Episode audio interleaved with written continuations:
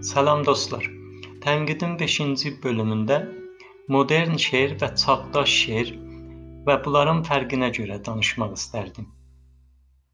Biz modernizm və postmodernizmə görə danışanda e, və e, şairləri və ya yazarları e, adlandıranda e, yad yox, məsələn, bunlar moderndir, yad yox, postmoderndir Bu arada e, modern modernizmin bir dənə qolu var deyim.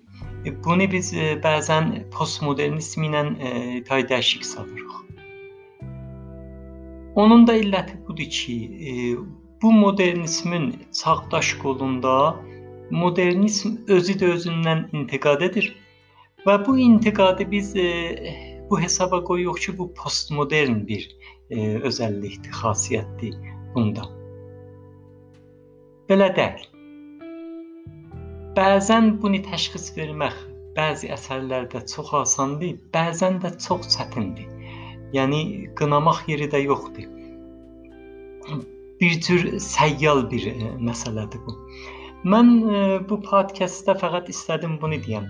E, İkinci Dünya Savaşından sonra modernizm başladı bir seri e, təhəvvüllərə, postmodernizm də yarandı. Əlbəttə buna racət ixtilaf var. Postmodernizmi bəzi adam deyir ki, 2-ci Dünya Savaşından sonra bəzi 90-lar, bəzi 80-lardan deyib başlanıb. Bunlarla işim yoxdur.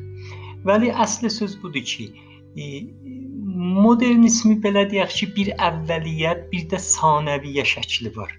Modernizmin sanəviyyə şəkli bəzi şair və yazarların əsərlərində postmodernizmə bənzir, vəli elə deyil. Postmodernizm deyil.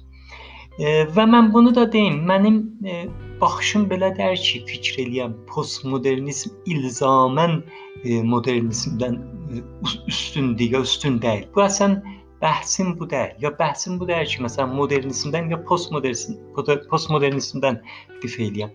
Fəqət istədim deyəm ki, bu arada bu zərif fərqə mütəvəccih olaq. Bəzən də e, tənqidçi buna mütəvəccihdir.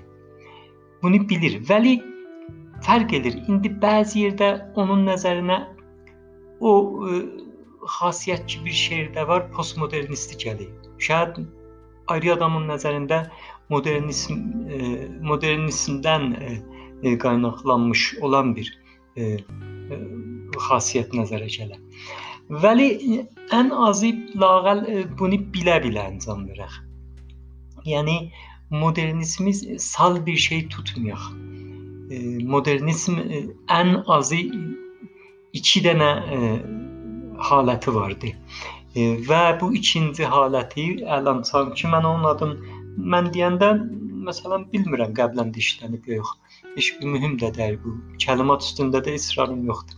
Bu çağdaş modern e, e, əvvəliyyə modelinə görə bir miqdar e, bəzi yerlərdə özün bir baş vurey postmodernizmə vəli qeydir.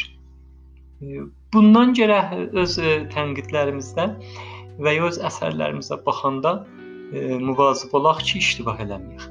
Təşəkkür eləyəm, sağ olun.